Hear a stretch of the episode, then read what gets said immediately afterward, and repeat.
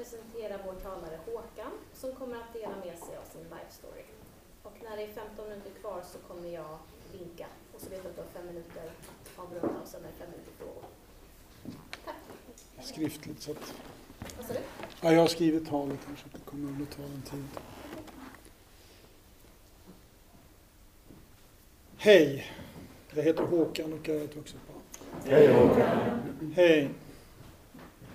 Jag vill inleda talet tillsammans med er med sinnesrobönen i vi-form.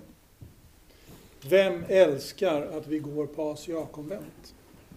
Gud, ge oss sinnesro att acceptera det vi inte kan förändra. Mod att förändra det vi kan och förstånd att inse skillnaden. Tack. Jag vill tacka för att jag får hålla tal till er, ni som har hjälpt mig tillfriskna.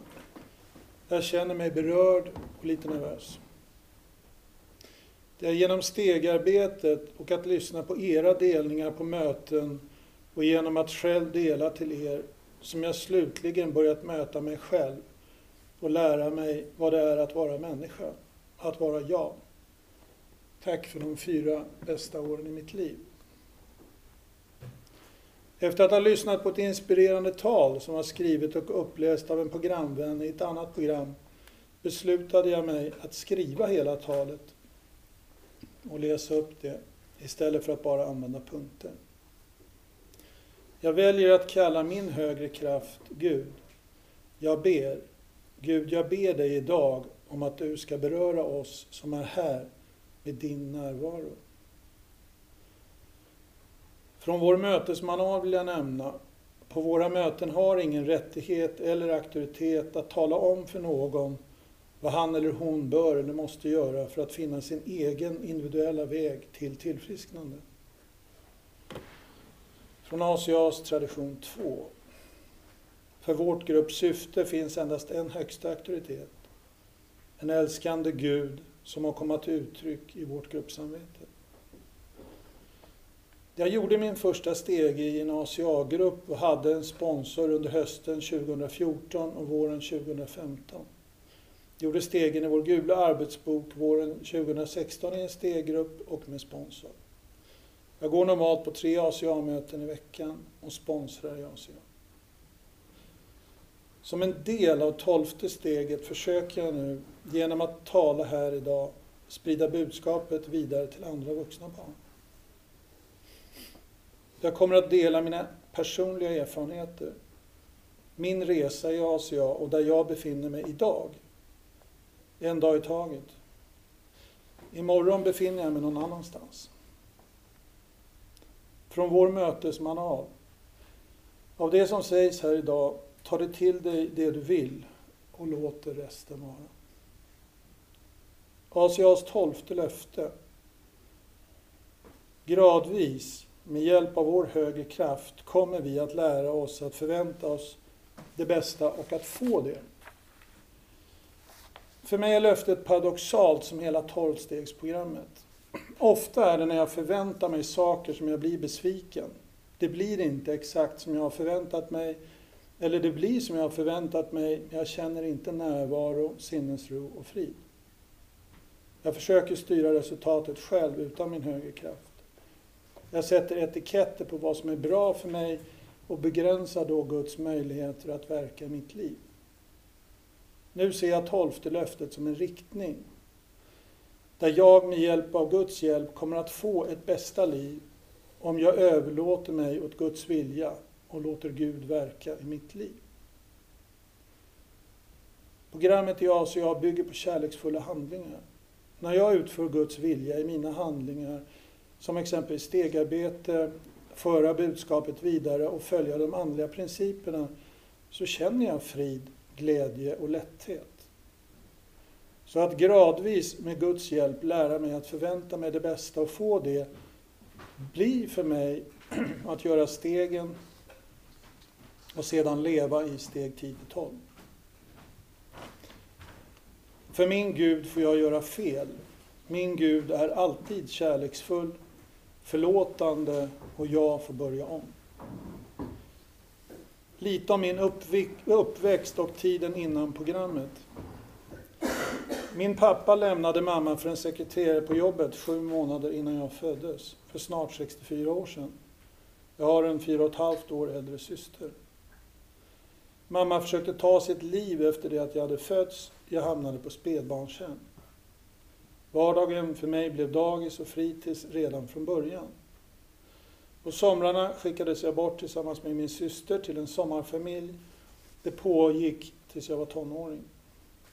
Eftersom mamma inte orkade med mig kunde en sommar vara från maj månad fram till jul. Jag hade bytt familj.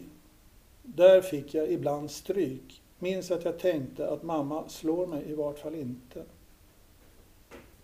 Mamma var invaderande, mycket känslor, aggressiv men också underbar då hon ville. Hon kämpade på med två barn och var ofta deprimerad. Tröstade sig med vin. Under mina tonår så grät hon jämt och fick elchockbehandlingar. Mitt liv kom att handla om att se till att mamma mådde bra. Jag övergav mig själv.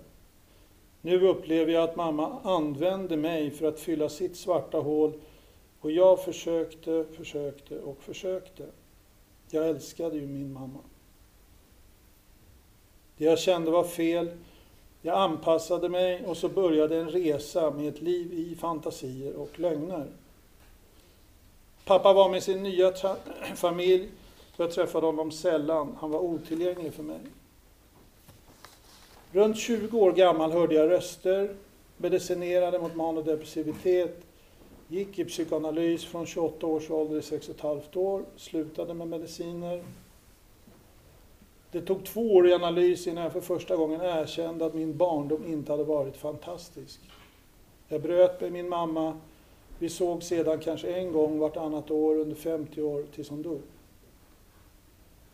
Träffade min hustru som jag älskar mer än ord kan beskriva. Fick flera barn, jobbade jämt, gick ytterligare sex år i terapi. Mitt livs strategi har varit att prestera och arbeta min drivkraft att jag måste vara perfekt, duktig, effektiv och allt är mitt ansvar, allt hänger på mig. Drömmen är att vara lyckad, bli omtyckt, berömd, beundrad. Bara jag anstränger mig lite till så kommer jag att lyckas.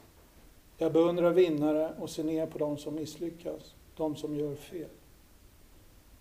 Jag söker trygghet utanför mig själv och försöker kontrollera allt och alla. Jag tar stor plats i sociala sammanhang eller också så isolerar jag mig. Utåt har mycket verkat framgångsrikt, familj, jobb, boende. Men min underliggande känsla har varit oro.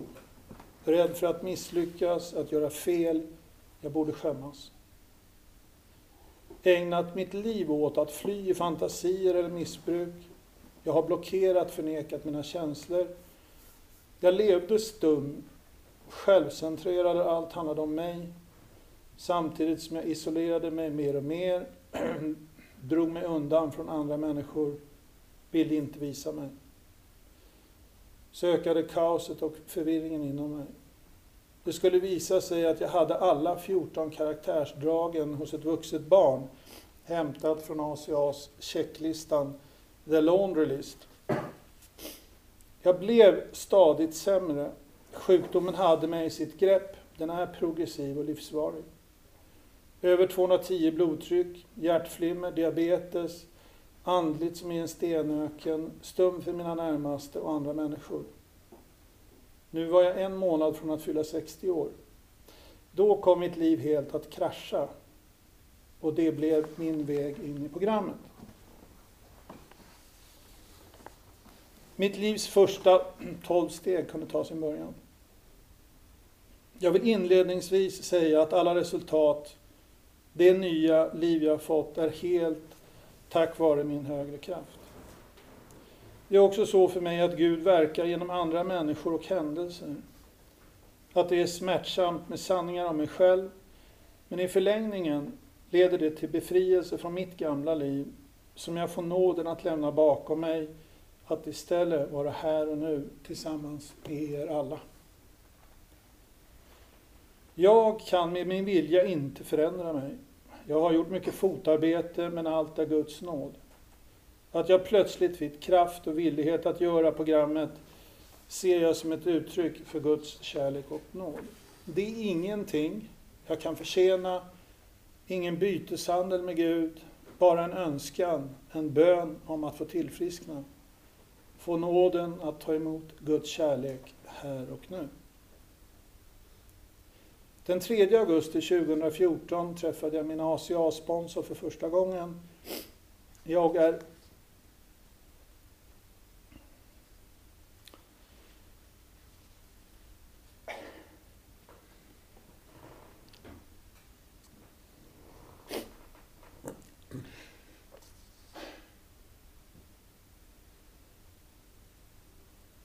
oerhört tacksam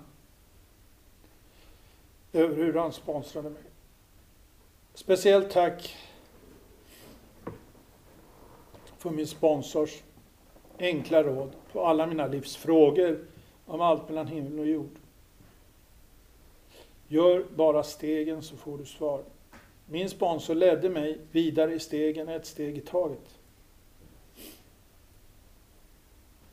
Gör bara stegen, gör bara stegen, gör bara stegen.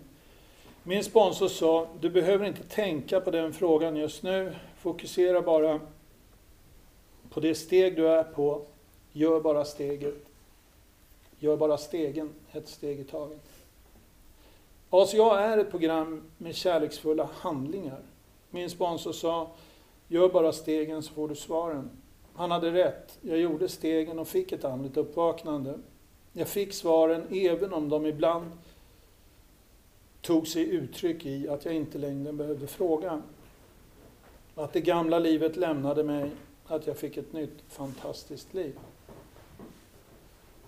Steg 1.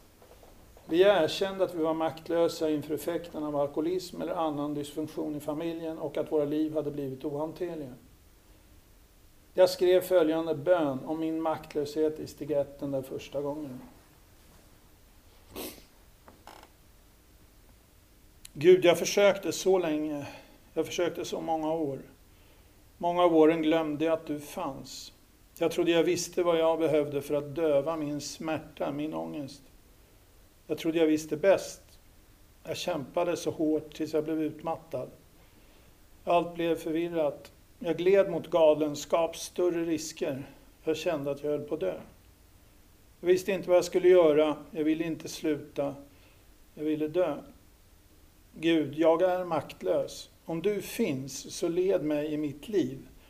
Om du hör mig, så ge mig kraft. Om inte, så dör jag. Steg ett är ett fantastiskt steg. Äntligen får jag ge upp, erkänna att jag inte klarar av mitt liv på egen hand, släppa taget om livet och hur det ska vara. Jag minns det som om jag grät på alla ACA-möten det första året mitt liv, 55 år av det hade jag blockerat och dämt upp mina känslor. Nu fick känslorna återvända. Ni verkade genom mig, genom att på möten dela och att lyssna på mig. Tack återigen. I vår gula arbetsbok kartlägger vi också vår familj. Och för mig var det överraskande att tydligt se hur jag uppfostrades, tog emot karaktärsdefekter, och hur jag har fört mina karaktärsdefekter, familjesjukdomen, vidare till mina barn. Känner sorg över det. Men lösningen finns också för dem. Mitt arbete i tillfrisknandet och de förändringar som barnen upplever tror jag ger dem hopp. Steg två. Kom till tro att en kraft större än oss själva kunde återge oss förståndet. Idag känner jag att tro också är ett beslut jag tar. Tro vilar på villighet. Villigheten i vårt program är kärleksfulla handlingar. Gå på möten, göra service, göra stegen, sponsra andra. Jag säger också för att min tro har givit mig ett nytt liv, här och nu. Inget som jag behöver tro på, utan något som jag upplever en dag i taget. När jag totalt kraschade så fick jag samtidigt ett stort andligt uppvaknande. Jag fick vara på en äng där jag fick vara helt mig själv, helt sann.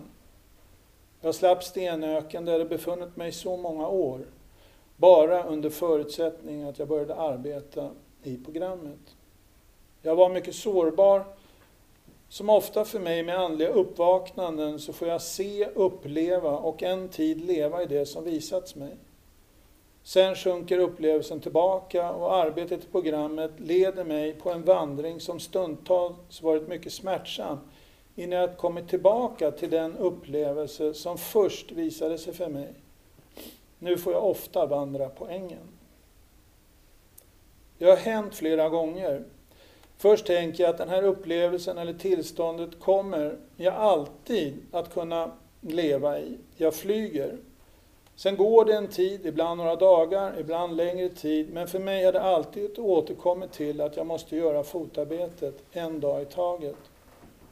Andliga uppvaknanden utan handling hjälper inte. Idag vet jag att Gud finns för mig. Efter flera andliga uppvaknanden och att bli bönhörd i form av de minsta saker vet jag att Gud finns för mig. Min Gud är kärlek, tro, hopp, sanning, tålamod, förlåtelse. Finns alltid där för mig om jag vänder mig till Gud. Tvivlar jag aldrig. Det är inte i tanke, men ibland i handling. Jag lämnar inte över utan försöker styra själv. Idag försöker jag leva efter mottot allt som händer mig i varje ögonblick är ett uttryck för Guds kärlek till mig. Vad innebär det för mig? Att avlägsna karaktärsdefekter är smärtsamt. Att ge upp känns hotfullt. Att leva i ljuset känns ovant och skrämmande. Men det är det nya liv som Gud ger mig. Att få leva närvarande i verkligheten tillsammans med mina närmaste och er är ett fantastiskt liv. När jag tänker tillbaka på hur det var när jag försökte bestämma, styra och ställa, då blir mitt val enkelt. Jag tar nästa steg. Steg 3. Tog ett beslut att överlämna vår vilja och våra liv i Guds omsorg sådan vi uppfattar Gud. Hur går det till för mig? Att be om hjälp, både Gud och människor. Gud hjälp mig. Jag klarar inte att tillfriskna ensam. Att överlämna blir för mig ett beslut, en uppgift i att lyssna till mitt innersta, till mitt hjärta där Gud talar till mig.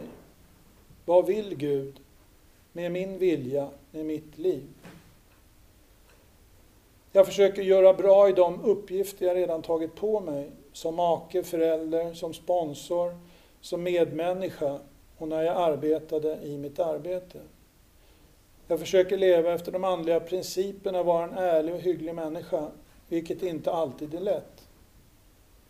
Som jag redan sagt har jag beslutat mig för att leva efter mottot allt som händer mig i varje ögonblick är ett uttryck för Guds kärlek till mig. Jag försöker att acceptera det som händer och inte alltid strida, argumentera mot Gud, mina medmänniskor och verkligheten. Alla som känner mig vet att jag ofta misslyckas, att det sakta blir bättre. Det viktigaste för mig är att hela tiden prata med Gud, hela tiden i stort som smått, som till en kompis. Berätta hur det är och känns, hela tiden från mitt hjärta och alltid helt och fullständigt sann. Att vara helt ärlig, också om jag tvivlar på att Gud ska finnas för mig, också om jag är arg och går emot vad jag vet är rätt. Lika viktigt som är be i ständigt småprat med Gud är att ge Gud tid att verka i mitt liv. Alltid när jag vill någonting starkt och vill få ett specifikt resultat gäller det för mig att se upp. Särskilt när jag känner ett driv, en rastlöshet, ett mående som jag vill minska genom aktivitet. Jag försöker då släppa in Gud genom att avstå för stunden och se vad som händer. Behöver jag verkligen göra det nu? Är det viktigaste först? Om det inte är nödvändigt, vilket det sällan är, så försöker jag tänka, så försöker jag vänta och se vad som händer. En ytterligare timme, en dag, en ytterligare vecka. Ofta löser det sig på ett helt annat sätt än jag hade tänkt mig. Jag bara fortsätter att göra programmet en dag i taget. Möten, stegarbete, sponsring, mina dagliga rutiner, bön och meditation. Även i minsta handling så försöker jag fråga Gud om råd, lyssna till Guds vilja, lämna en stund för Gud att verka i mig. Ofta kan jag då få en ingivelse, en aning om att jag ska gå vidare eller vänta. Jag får träna varje dag, lita på det jag känner. Det går sakta bättre. Att Gud ska ge mig insikt om sin vilja med min dag och styrka att utföra den. Känner jag att jag saknar styrka så väntar jag tills jag får den eller avstår helt. Får jag inte kraften så var det inte Guds avsikt med mig. Steg 4. Gjorde en grundlig och oförskräckt moralisk inventering av oss själva. För mig var och är steg 4 främst ett känslo och upplevelsesteg och möjligheten att i sanning lära känna mina tankar, ord och handlingar mina moraliska motiv, mina mönster.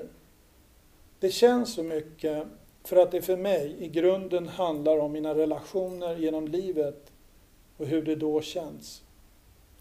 I steg fyra i gula arbetsboken fick jag hjälp att beskriva mina känslor. Där står hur olika känslor också känns i kroppen. Vid sidan av oro och rädsla kopplat till övergivenhet har harm, ilska, aggression mot allt och alla var det min främsta känsla. Rättfärdigad av att jag alltid tyckt mig ha rätt, vad det nu än gällde. Även om min fokus i ACAs inventering var mig själv, så inventerade jag min familj och då speciellt min mamma. Det visade sig att jag tagit över alla hennes karaktärsdefekter och sedan själv gett dem vidare till barnen. Det är en familjesjukdom i generationer. I mina över 12 år i terapi gick mycket ut på att förstå. I programmet har det för mig mer handlat om att få känna och låta Gud verka i mig. Fylla mig med sin kärlek som för mig också är sanning. Sanningen är en stark kraft som helar mig, som bär i ett tillfrisknande liv. Mitt första steg fyra tog ungefär två månader av mående, känslor som gjorde mig fysiskt illamående. Intellektuellt visste jag redan allt om min barndom och olika teorier runt hur jag blivit som jag blivit. Som människa behövde Gud tid att forma mig. Idag som sponsor försöker jag bara leda sponsorerna igenom steg 4. Dela upp steget så att redogörelsen steg 5 får komma i flera överlämnande möten. Så att steget inte blir så oöverstigligt som det kan tyckas vara. Det finns bara ett sätt att göra steg 4 fel det är att inte göra det. Min erfarenhet idag är att jag inte behöver oroa mig för att jag missat något. För Gud kommer under resten av mitt liv att ge mig de uppgifter jag behöver arbeta med. Det räcker med att göra steget grundligt och ärligt, inte perfekt. Steg 5. Erkände för Gud, oss själva och en annan människa den exakta innebörden av våra fel. Jag gjorde mitt första steg fem och det var svårt. I mitt steg fyra var jag helt ärlig, men det var svårt att vara närvarande känslomässigt. Det blev lite av en uppläsning, kanske som en examen. Tror jag glömde ta med mig Gud som stöd för mig, även om jag också delade till Gud. Kanske var det så för mig att min rädsla för att visa mig för andra människor, min rädsla för att de skulle skada mig, gjorde att jag inte till fullo tordes vara närvarande sann i orden och beskrivningarna av, av mina handlingar, men inte sann i min närvarande känsla.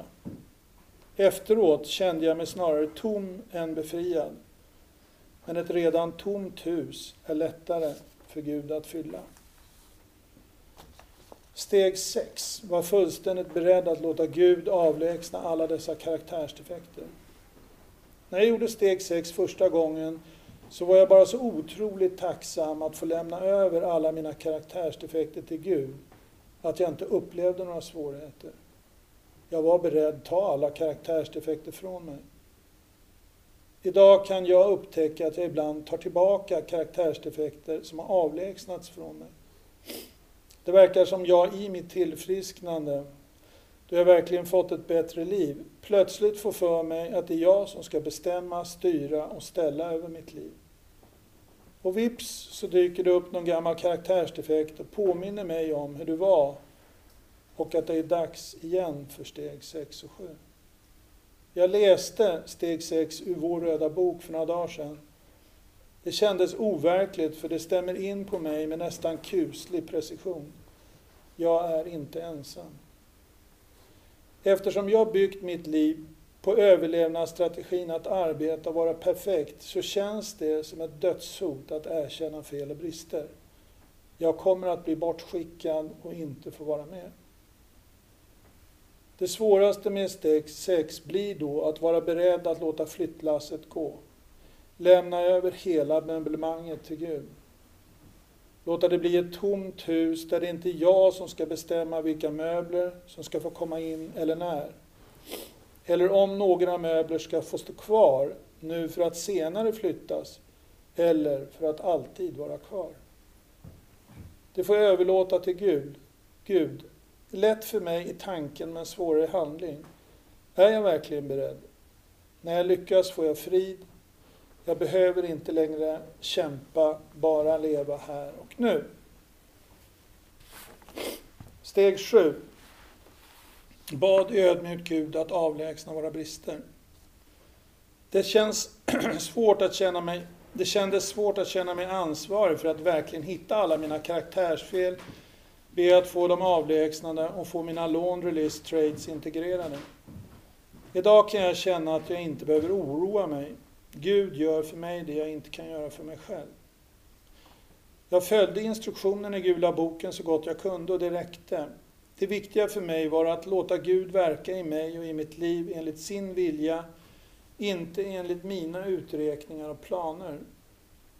Jag bad Gud om styrka och hälsa för att kunna verka, men han gjorde mig svag för att lära mig ödmjukt följa. Jag bad om rikedom för att kunna bli lycklig, men fick fattigdom för att kunna bli vis.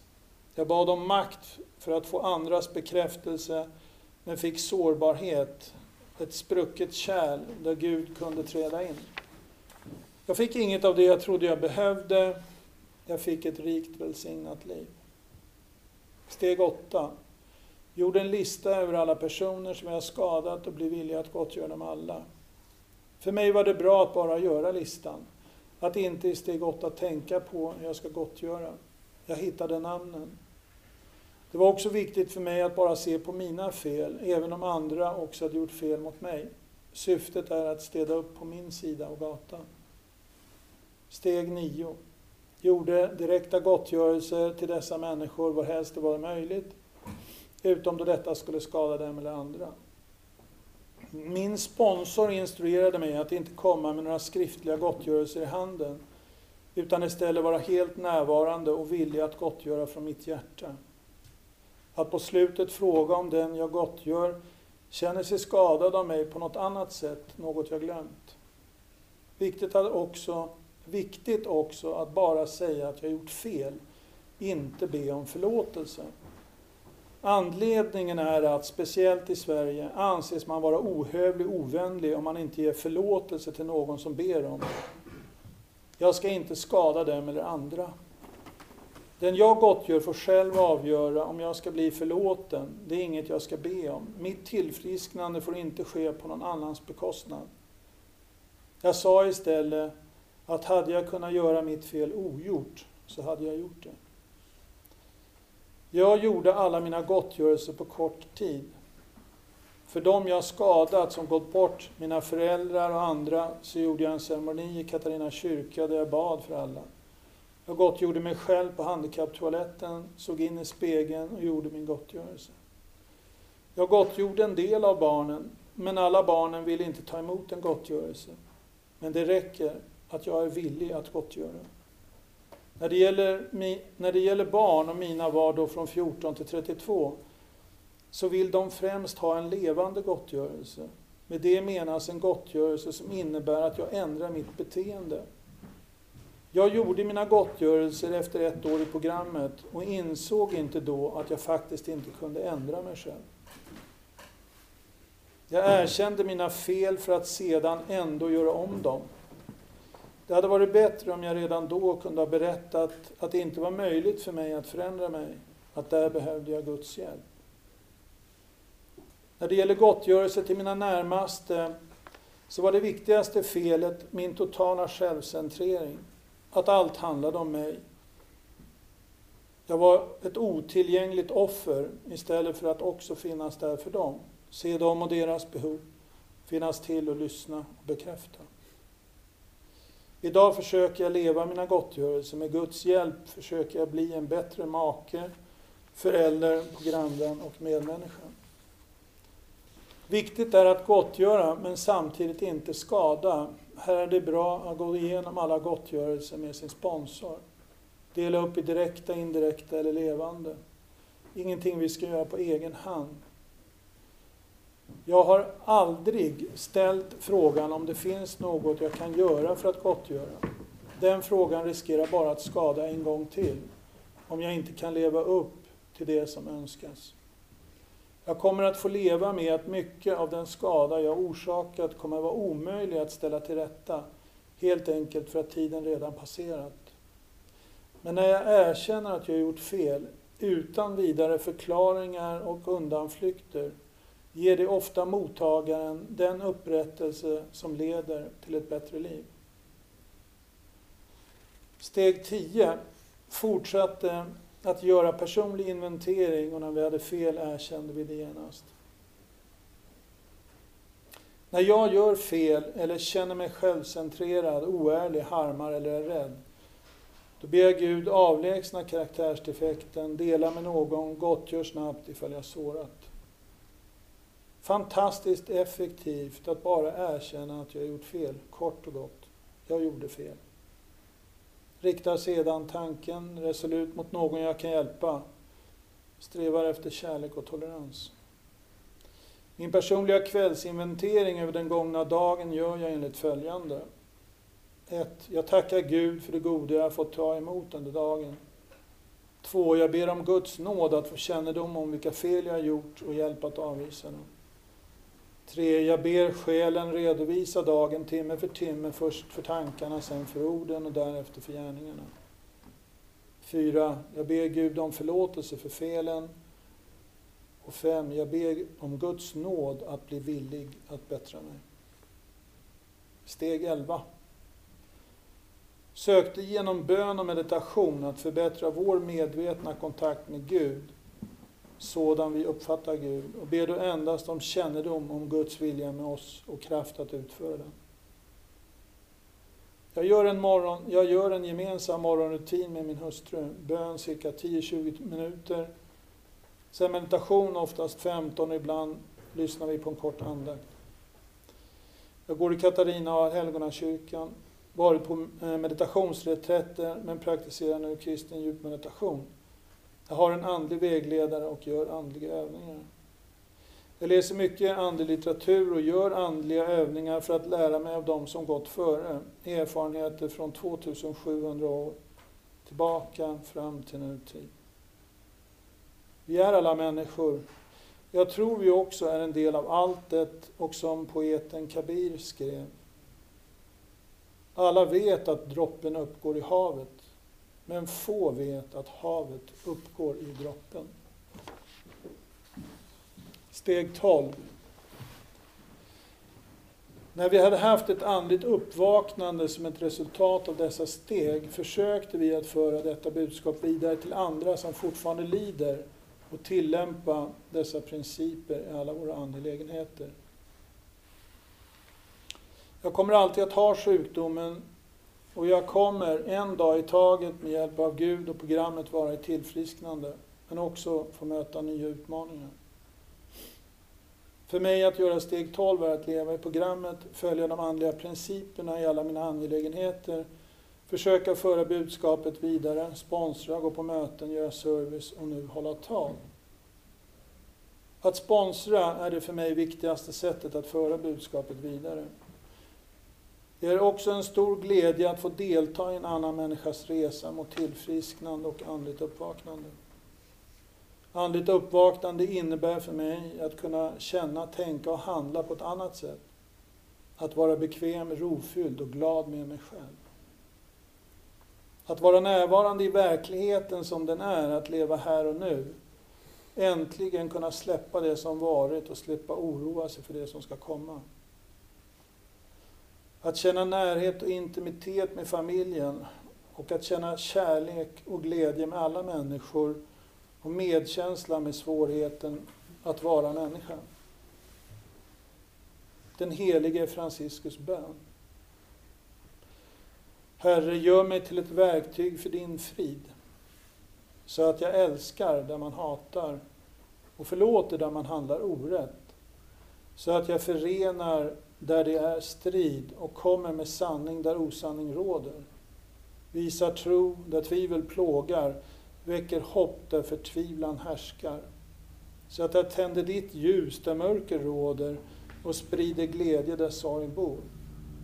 Herre, låt mig inte så mycket sträva efter att bli tröstad som att trösta andra, inte så mycket bli förstådd som att förstå, inte så mycket att bli älskad som att älska.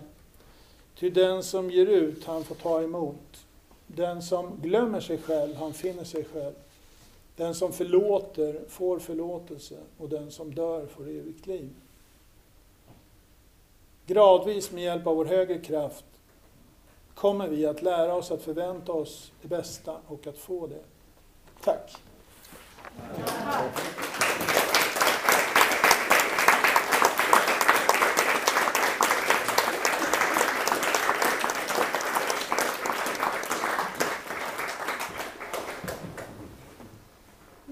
är det sex minuter kvar och vi öppnar upp för frågor till talaren.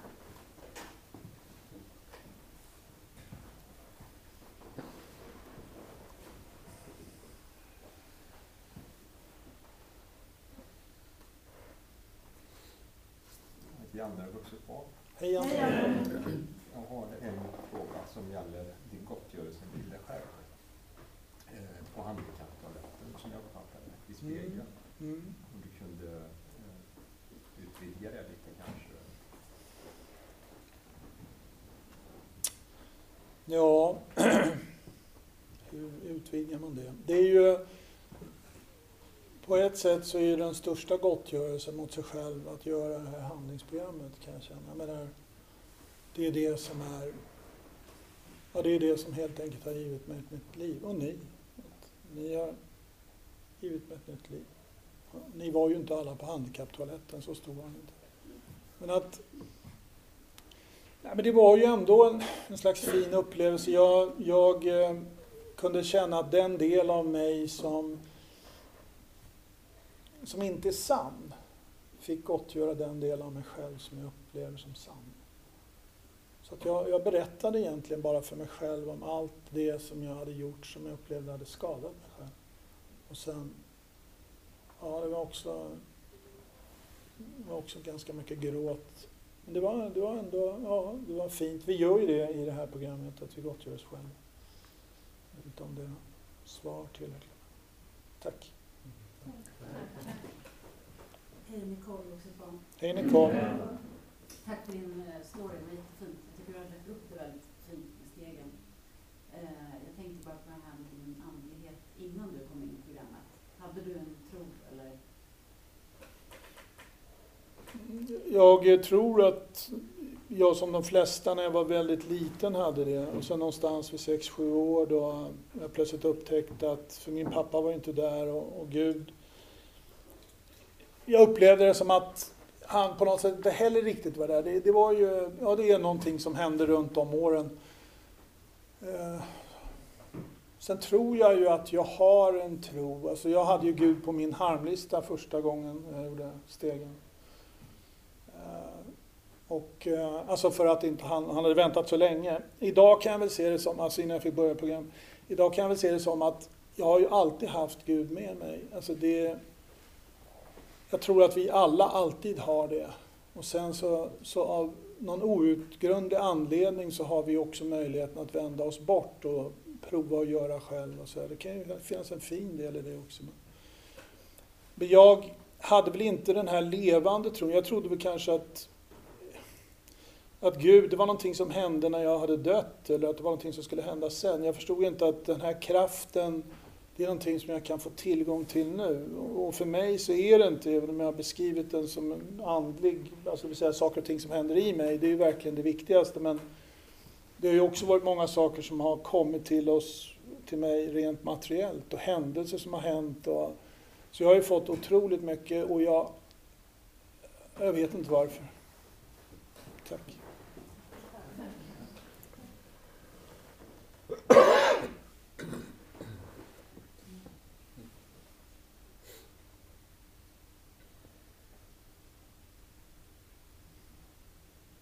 Tack så vuxet barn. Hej. Tack Håkan. Eh, Känner mycket igen din historia. Du beskrev en relation till dina föräldrar. En av de sakerna som står i någon av texterna, jag kommer inte ihåg vilken, är att eh, relationen till oss själva, vår högre makt och våra föräldrar kommer förändras i något skede. Mm. Hur har du upplevt att relationen till dina föräldrar har förändrats? Ja, det är ju, bägge två ju, har ju gått bort då. Men att... Eh, nej, men jag kan ju känna att... Alltså det här att vara människa, det innebär ju på något sätt att, och jag tror ju att det gäller oss alla, att vi, vi ändå försöker på något sätt så gott vi kan. Och jag kan ju känna att både min mamma och min pappa kom ju bägge två från väldigt dysfunktionella förhållanden på olika sätt. Och det, ja, det fick jag ta del av. Och, och jag vet inte, liksom, jag hade någon sponsor jag pratade med nu om jag hade fått en chans, om Gud hade kommit ner och sagt ja men Håkan nu får du chansen, du får liksom göra om ditt liv. Men jag kan inte garantera var du landar då. Alltså det vill säga att jag skulle kanske inte vara här och nu i det här omgjorda livet. Och så vill du göra det. För att på något sätt slippa undan det som var jobbigt. Men jag skulle inte göra det. Jag tycker att jag har ett bra liv. Alltså det är bra, jag har ett fantastiskt liv. Jag, har liksom, jag tycker varje dag är full av överraskningar. Jag hade ingen aning om att jag skulle sitta här, det är inte sant. Men jag hade ingen aning om hur det här talet skulle gå. Jag visste inte att jag skulle bli så berörd. Även om jag inte så sällan gråter när jag blir berörd. Men att... eh, Nej men det är liksom... Det är det här det enda som finns. Så allting som har varit har ju redan varit. Och allting som ska komma och det kommer att komma. Och det här är det som finns. Och det här... Jag har aldrig haft det bättre än så här tillsammans med er nu. Så jag vet inte varför. Alltså jag har ju egentligen inget problem då kan man säga. Men relation, jag vet inte om jag svarar på det. Nej men jag tycker väl bägge liksom... Jag älskar dem liksom. För att jag älskar det som är det gemensamma i oss alla människor. Det här som vi har, som är vårt varande. Sen handlingarna, nej, det, de, alla handlingar de gjorde må jag, mådde jag inte bra av. Och jag har själv gjort väldigt många dåliga handlingar. Men idag kan jag liksom älska min, min del, det som är mitt innersta, mitt sanna jag. På samma sätt som jag kan älska det hos er. Tack. Tack.